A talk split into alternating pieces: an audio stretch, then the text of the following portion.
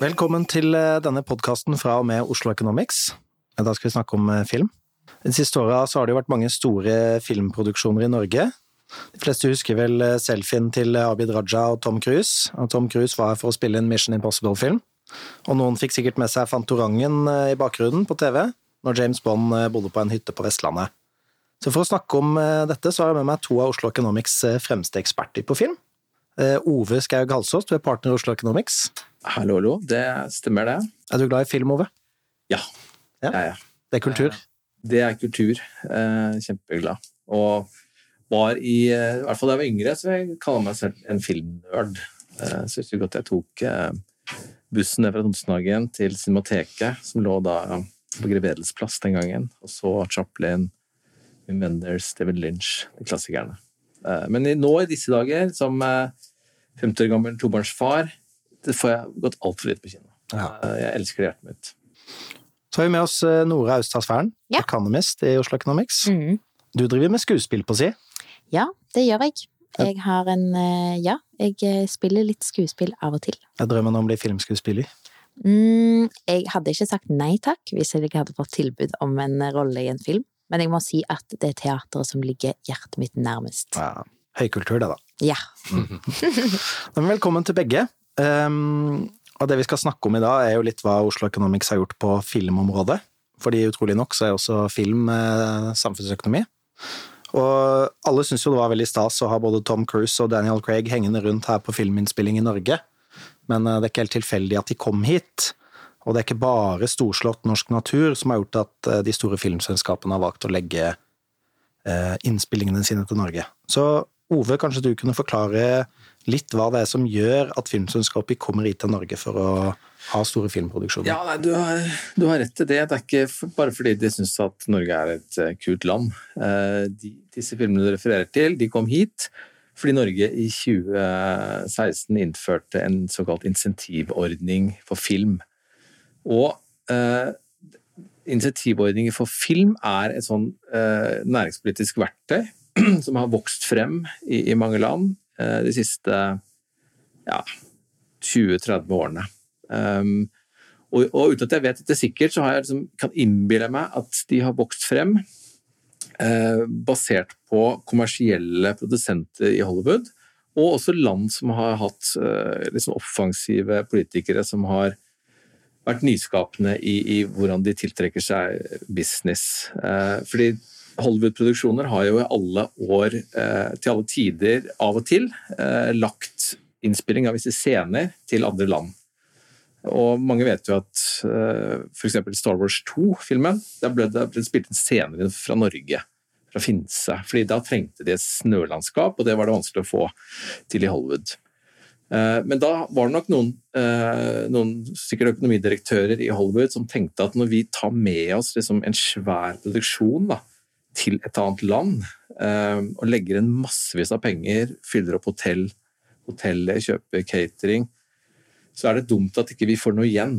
Altså den, den eh, avtalen er liksom ubalansert. Eh, vi legger masse penger, vi kan kanskje også gi noen reklameeffekter for noen land, vi får ingenting igjen.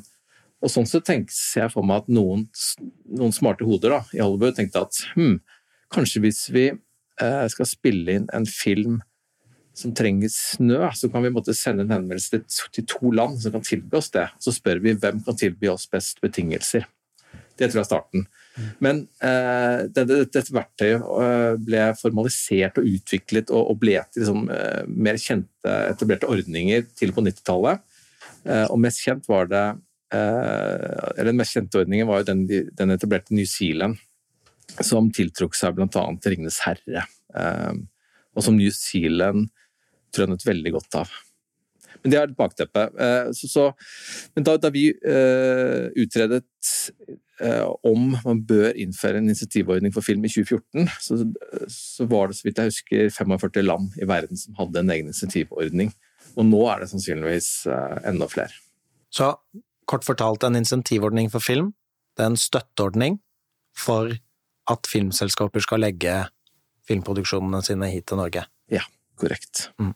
Og da, hvordan, hvordan er det det uh, fungerer, Nora? Du var jo med uh, Ove og jobbe på et par av disse rapportene som uh, Ove nevnte.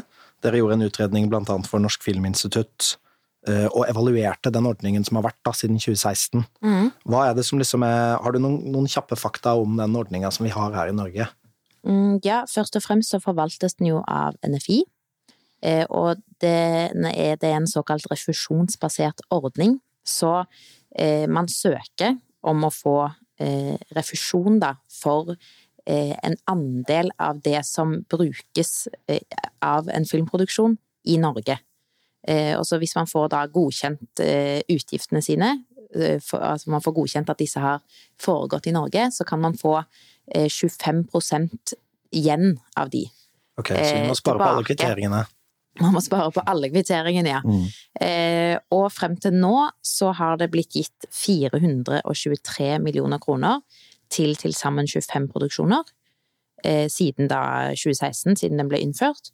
Og nå i 2021 så var budsjettet på 68,6 millioner kroner, og det gikk bare til én produksjon, faktisk. Hei, hvilken var det? Vet du det? Det var, eh, det var en Mission Impossible-film. Ok. Mm. Så én film fikk alle de pengene? Yes. Så da legger de igjen ganske mye penger her i Norge? Ja. Det blir jo da eh, Ja, det, da er det på en måte 68 Blir ikke regnestykket der 68,6 ganger 4, da? Det blir det. På en måte. At det er det de da legger igjen. Mm. Men en av de tingene dere jobba med når dere evaluerte den ordninga, det var å finne ut av om den har bidratt til at det blir flere større internasjonale produksjoner og serier i Norge. Så da er korte spørsmål, da. Er, oppnår ordninga det målet? Eh, og svaret på det er eh, klart ja. Ehm, den, den, målsettingen har definitivt blitt uh, innfridd. Uh, du har jo nevnt det selv, at ja, vi hadde Tom Cruise her. For å lage Mr. Possible, Daniel Craig for å lage James Bond. Marvel-universet har vært der og spilt inn scener i flere produksjoner. Uh, Black Widow, blant annet, som var på kino nylig.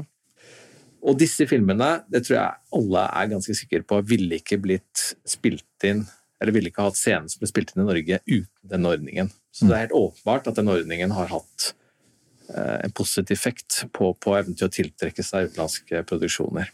Så det når den, altså? Det når den, mm. definitivt. Jeg må si at jeg, nesten, jeg, tror de fleste har vært litt sånn kanskje nesten, Jeg utredet dette her i 2014, uh, før ordningen ble etablert. Og jeg ville kanskje tenkt at det var vanskelig å få liksom, de aller største blockbusterne til å komme hit. Så jeg tror de som har jobbet med, med liksom, å markedsføre den ordningen og vært i kontakt med de, de riktige personene for de riktige produksjonsmiljøene, de har gjort en kjempejobb. Er det noen ulemper da, ha, for liksom, norsk filmmiljø ved å ha en sånn ordning? Det er vel eh, Blant de vi snakket om, da, så var det noen som påpekte at når en, en av, liksom, noen av disse store produksjonene holder på, så kan det fortrenge litt eh, av eh, de nor altså norske produksjoner. At man, når man får nyss om at eh, Mission Impossible skal spilles inn da og da, så må man på en måte kanskje flytte. Og det krasjer med ens egen produksjonsplan, så må man kanskje flytte da, på, mm. på produksjonen. Men, eh, men, det er på en måte det, det har ikke vist seg å være et kjempestort problem, da. Men det var noen som nevnte det. Ja, du kan jo tenke deg at For alle de som tilbyr eh, eller lever av å selge tjenester innen filmproduksjon i Norge, så er dette her veldig gunstig. Det vil jo bidra til å hjelpe deres økonomi, fordi de får rett og slett mer å gjøre. Eh, men for alle de som kjøper eh, tjenester av norsk filmmiljø, f.eks. norske produksjonsmiljøer, så kan dette være kan dette av og til være uheldig hvis det betyr at du må vente lenge for å få tak i akkurat den innspillingslederen eller at prisene blir dyrere da, å få tak i de eh, flinkeste folka. Mm. Men eh, blir vi flinkere på å lage film i Norge når store selskaper kommer hit for å lage, legge produksjonene sine her? Smitter det over, liksom? Ja, det er det jo mange som mener, da. At eh, når man får lov til å være crew på en sånn internasjonal produksjon, så lærer man nye arbeidsmåter, nye måter å Ja, nye teknikker. Ehm, og at det foregår en kompetanseoverføring, da. Og så er det jo eh, helt klart at det, en stor del av det er nettverksbygging. Og ikke Man blir jo ikke nødvendigvis flinkere bare av nettverk i seg sjøl, men Men hvis du får utvidet nettverk, så kan det åpne nye jobbmuligheter, og man får mer erfaring, og med erfaring blir man jo flinkere. Mm. Men er det, noe som, er det noe som varer? Altså, det kommer en svær film her, uh, bruker masse penger i en kort periode, og så reiser Tom Cruise og hele gjengen hans igjen. Uh, men hva sitter vi igjen med da? Hva er på en måte Hva har norsk filmbransje på en måte eh, opparbeida seg, som ikke de bare mister igjen når, eh, når Tom Cruise sitter på flyet? Jeg tenker for, for, det første at det, noen, kan være noen helt konkrete eh, teknikker, da, som, som, de lærer seg. At uh, disse, altså typisk disse filmene vi, vi, har snakket om som har vært der, da, Mission Impossible, Just Bond, klassisk sånn action, uh, som stor uh, big budget actionfilmer, hvor det er mye sånn spektakulære ting som skjer. Det, det, det, krever, altså det, krever, andre egne teknikker da, som vi er liksom eksperter på borti Hollywood. Mm. Og de teknikkene vil jo da norske filmprodusenter lære seg da, ved, ved å være med på disse, i hvert fall de som er med på disse filmene. Og den kompetansen, når du har lært det én gang, så kan du kanskje, har du kanskje lært det for hele livet. Mm. Og, og, det samme med disse, disse norske filmarbeiderne, som har, har, har, da jobbet tett sammen med internasjonale filmarbeidere, vil jo etablere liksom, kontakt, bli kjent. Det er noe som når vi jobber med prosjekter, samarbeide med, med en samarbeidspartner, um, så vil man jo gjennom å, å, å ha samarbeidet kanskje intenst en periode eh, måtte etablere kontakt som man kan dra nytte av resten av, resten av karrieren. Da. Eh, og sånn sett kanskje få jobber i utlandet. Eh, ja. For meg virker det ganske åpenbart at dette er positivt. Mm.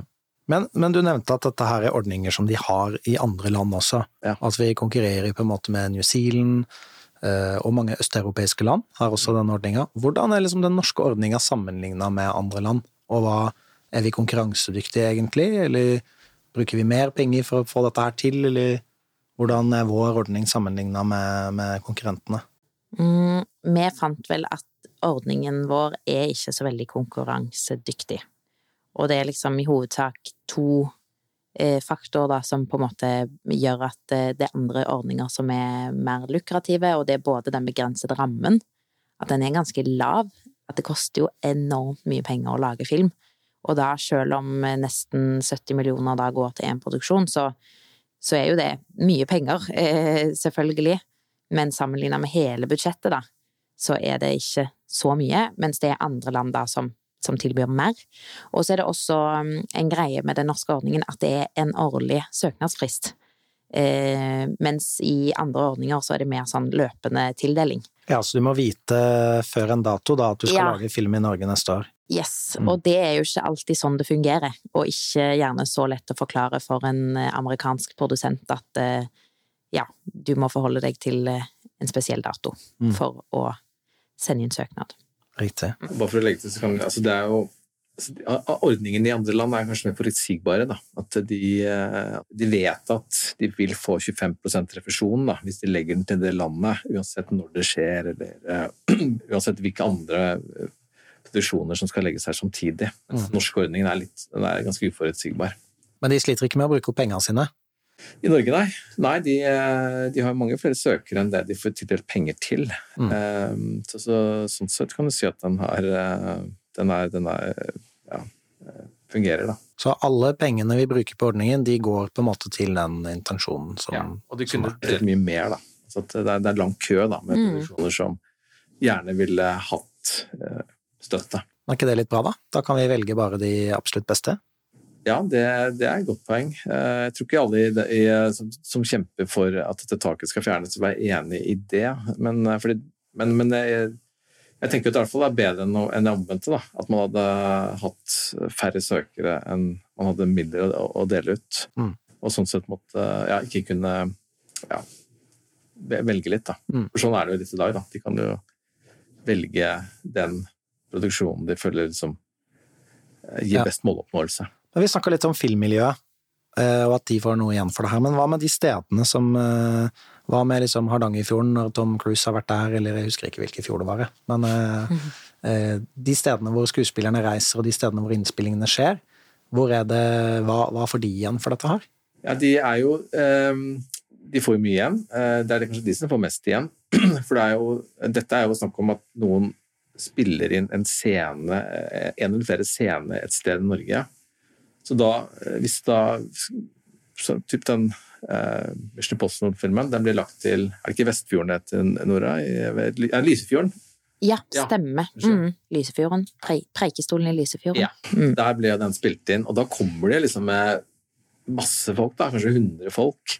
Setter opp, rigger opp uh, utstyr og ja er liksom er, Her er det filminnspilling da, i noen dager. Uh, og da vil det jo Hotellene i området vil jo bli fylt opp, leiebilene vil bli brukt, de som lager pizza uh, for uh, ja, masse, masse, oppdrag. Og så vil jo ofte de som altså uh, Distriktskontoret til NRK vil jo typisk kose seg, og lokalpressen. I hvert fall i de tilfellene hvor det er sånne profilerte stjerner som har besøkt. Da. Og politikerne, ikke minst. Ja, som får tatt noen selfier og så videre. Ja. Men, eh, og dette er det vi kaller for ringvirkninger, ikke sant? Når effektene sprer seg i samfunnet. Du forklarer at de kjøper ja. pizza og leier leiebil og, og det her. Og det, det, er jo noe vi som økonomer er kjent med, da. Regner på ringvirkninger. Men vi er også opptatt av dette med effekt, hvordan penger brukes. Um, og det har jo vært mye debatt om denne ordninga her, og hvordan ulike ordninger for film virker. Så jeg lurte litt på om du kunne si noe om hvordan, hvordan er det vi tenker om det her med om ordninger er lønnsomme eller ikke. Hva er på en måte kriteriene for at noe skal være lønnsomt og ikke lønnsomt? Mer sånn generelt først, kanskje? Ja, eh, det er mange måter å, å beregne virkningen av et tiltak på. Eh, altså, en ringvirkningsanalyse er en metode, eh, men den sier bare noe om at man ja, Hvis du bruker en krone på, på et eller annet, hva det er, så får du kanskje mer enn en krone igjen hvis du inkluderer ringvirkningene. Det vi som samfunnsøkonomer kanskje er mest glad i, er samfunnsøkonomiske analyser av tiltak, hvor man prøver å, å måle netto kostnaden av et tiltak opp mot netto nytten av samme tiltaket. Um, og, det, og, de regnestykkene er ofte ikke like liksom, vakre uh, som en ringvirkningsanalyse. Ringvirkningsanalysen vil alltid være et stort positivt tall, samfunnsøkonomisk analyse kan ofte være litt mer, eh, ja, nøk, ofte mer nøktern og kan vise negative tall. Mm.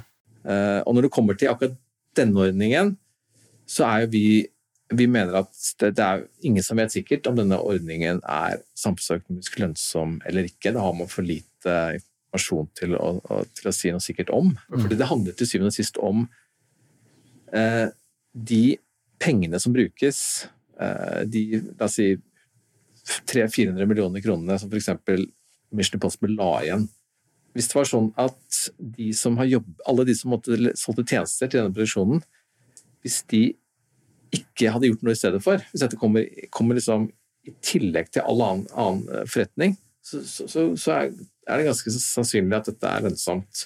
Men hvis det er sånn at denne, denne pengebruken fortrenger annen aktivitet, hvis det er sånn at disse hotellene som de bor på, Eh, ellers ville vært fylt opp av turister eller eh, oljearbeidere eller hva, hva, vet jeg, og den pizzasjappen ville solgt pizza til andre, da er det ikke nødvendigvis sikkert at det er lønnsomt. Da kan det godt være at dette stedet har ført til at eh, det var eh, fullt på alle hoteller, eventuelt kanskje at prisene gikk opp. Og da, da blir regnestykket et helt annet. Mm.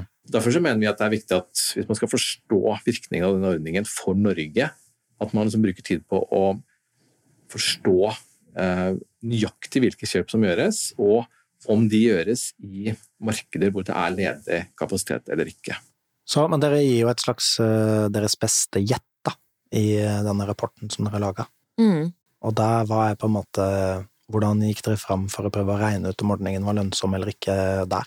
Da tok vi utgangspunkt i eh, et eh, regnskap fra en produksjon Eh, og så vi lagde liksom ulike poster, utgiftsposter. Og så sammenlignet vi dette med liksom gjennomsnittlige Eller vi så dette opp mot gjennomsnittlige regnskapstall for de ulike eh, utgiftspostene, da. Og så regnet vi da ut på en måte hvor mye, basert på den eh, Basert på andelen av regnskapet som ble lagt igjen i hver utgiftspost, så beregnet vi da hvor eh, mye skatt og altså skatter og avgifter som legges igjen eh, ved, ved kjøp i de ulike kategoriene, da. Mm. Og da eh, fikk vi på en måte Da fikk vi ut et tall. Ja. Eh, og det var jo bare en illustrasjon og en øvelse, men for å vise at liksom Ja, et tankesett, da. Eller liksom hvordan man kan tenke rundt dette. Men det er da, ikke sant, når du sier dere fant et tall, Mm. og det er tall for statens inntekter og utgifter. Mm. Ja. Nettopp. Så du har jo da eh, Altså kostnadene for staten er jo da de pengene de gir i eh, refusjon eller støtte, pluss eh, denne skattefinansieringskostnaden som man legger på ved offentlige utgifter. Og så ser man da eh, den satsen der opp mot størrelsen på, på skatte- og avgiftsinntekter, da. Så du ser hvor mye betaler du ut, Mm. pluss hvor mye koster det å, å ta inn de penga, Ja.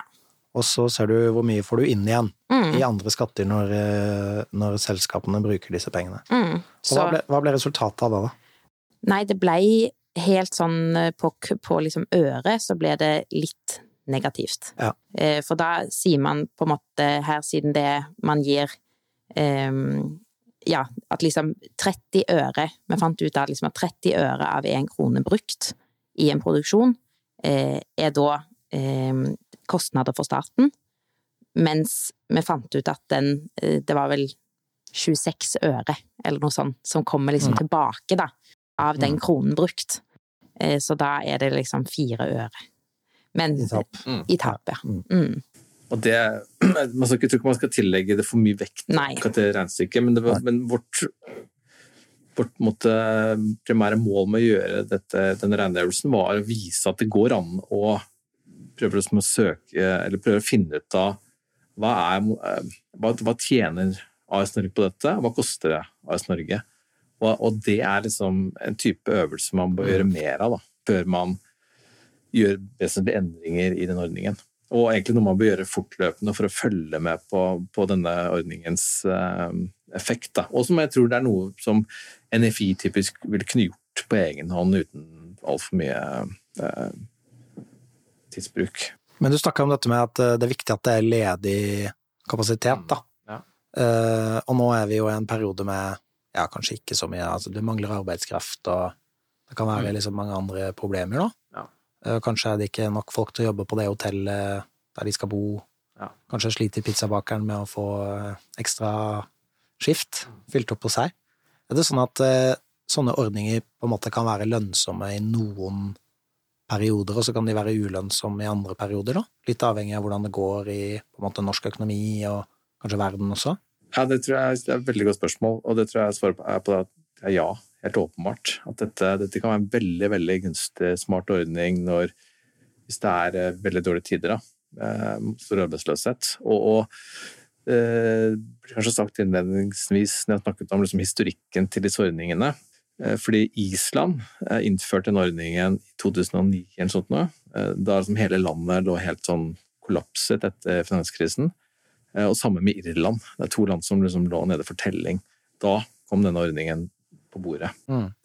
Det var ikke, det var ikke en ordning som ble initiert da det var høykonjunktur. Men samtidig er det ikke litt utfordrende kanskje at hvis du skal bygge opp et filmmiljø, så tar ikke det bare ett år. Du må liksom holde på med det en stund, da. Og de folka som jobber i den bransjen, de må på en måte ha forutsigbarhet for at det er jobb der gjennom hele år og kanskje noen Absolutt. år fram i tid. Absolutt, men da spørs det liksom eh, det er, det er også, Du er inne på noe som veldig et essensielt spørsmål her. Eh, Og det er egentlig om er dette en ordning som man har innført for å bygge en norsk filmbransje, eller er det et, en ordning som er innført for at man skal booste økonomien i, i Norge? da? Mm. Og jeg, mitt inntrykk er at det er det første. Altså Man har gjort dette primært for å styrke norsk filmbransje, ikke for at Norge skal tjene på det. Mm. Ja, for det kan jo være andre fordeler eh, ved å ha en eh, sånn ordning, eller ved å få filmer lagt til Norge som ikke har noe med økonomi å gjøre. Mm. Det skriver jo i rapporten at, at det er ting dere ikke ser på da, i den utredningen deres, Eh, men at det kan være andre fordeler, for eksempel at man fremmer norsk kultur, norsk språk, norsk natur, reklamerer for den. Um, så derfor er egentlig et av spørsmålene et litt ledende spørsmål, kanskje, men hva tenker dere som kan være fordeler, da, ved at eh, vi har en norsk filmindustri som vi kanskje ikke kan regne hjem, men som likevel er på en måte fordeler, da? Det er jo dette turismekortet, da. at det kunne jo tenkes å få overføringsverdi til for eksempel turistnæringen, men da er det jo kanskje viktig at eh, det settes noen krav til at det som eh, er, er et norsk fjell på en eh, utenlandsk eller en internasjonal film, faktisk også portretteres som et norsk fjell, og ikke et fjell et helt annet sted i verden. Mm. For å liksom, i hvert fall på en måte gjøre så mye som mulig, så alt man kan for at noen kanskje tenker oi, det var fint, der vil jeg. Mm. At det skal jo veldig mye mer til hvis det skal være for eksempel Himalaya. som var tilfellet med Preikestolen. Mm. Og flere turister til Preikestolen er jo absolutt uh, det vi trenger også. Ja, det, mange mener det. Men dette var eh, en eh, morsom innsikt i et veldig spennende tema. Det er kult å snakke om film med dere. Så vi får vel egentlig bare prøve å runde av der. Og det, det er jo, film er jo kultur, Ove, som du sa i starten. Mm. Om ikke høykultur, så er det i hvert fall kultur. Jeg hørte et uttrykk en gang, noen som sa at uh, man skal jo tenke på i et land at ikke man skal bare ha noe å leve av, men også noe å leve for. Og det er vel litt kulturens rolle, er det ikke det? Jo, definitivt. Mm. Derfor liker vi å utrede kultur, eh, ikke sant, Nora? Absolutt. Bra. Takk skal dere ha. Takk. Takk skal du ha.